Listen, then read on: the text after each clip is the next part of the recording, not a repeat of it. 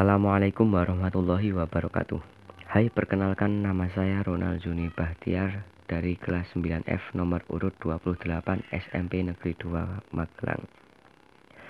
Kalian bisa memanggil saya dengan panggilan Ronald saja ya. Di sini saya akan membahas perubahan sosial kehidupan masyarakat di berbagai bidang dalam masa pandemi COVID-19 ini. Pandemi COVID-19 ini telah mengubah tatanan dunia dalam waktu singkat bahkan virus ini telah menyebar secara cepat dalam skala luas dan menimbulkan banyak korban jiwa. Secara sosiologis, masa pandemi ini menyebabkan perubahan sosial yang tidak direncanakan. Meskipun demikian, masyarakat pada dasarnya memang akan selalu mengalami perubahan. Masyarakat tidak bisa dibayangkan sebagai keadaan yang tetap, melainkan sebagai proses yang senantiasa berubah dengan tempo yang berbeda-beda. Nah, sekarang mari kita bahas apa saja ya perubahan sosial yang terjadi pada masyarakat dan dalam bidang apa. Dalam cara berkomunikasi, sebenarnya tidak banyak berubah. Dapat dilihat sebelum masa pandemi, masyarakat juga mengandalkan media sosial untuk berkomunikasi. Mungkin untuk saat ini bedanya adalah kita tidak bisa berkomunikasi secara langsung dengan orang-orang yang dekat dengan lokasi kita karena pemerintah memberikan peraturan physical distancing. Dalam aspek gaya hidup, masyarakat kini harus membiasakan protokol kesehatan dari pemerintah seperti rajin mencuci tangan, berjemur di pagi hari, menggunakan masker saat berpergian, dan lain-lain agar dapat mencegah penyebaran virus COVID ini. Selanjutnya dalam bidang ekonomi, masyarakat saat ini banyak kehilangan pekerjaannya dan menyebabkan tingkat kemiskinan rata-rata di Indonesia meningkat. Mengapa bisa demikian?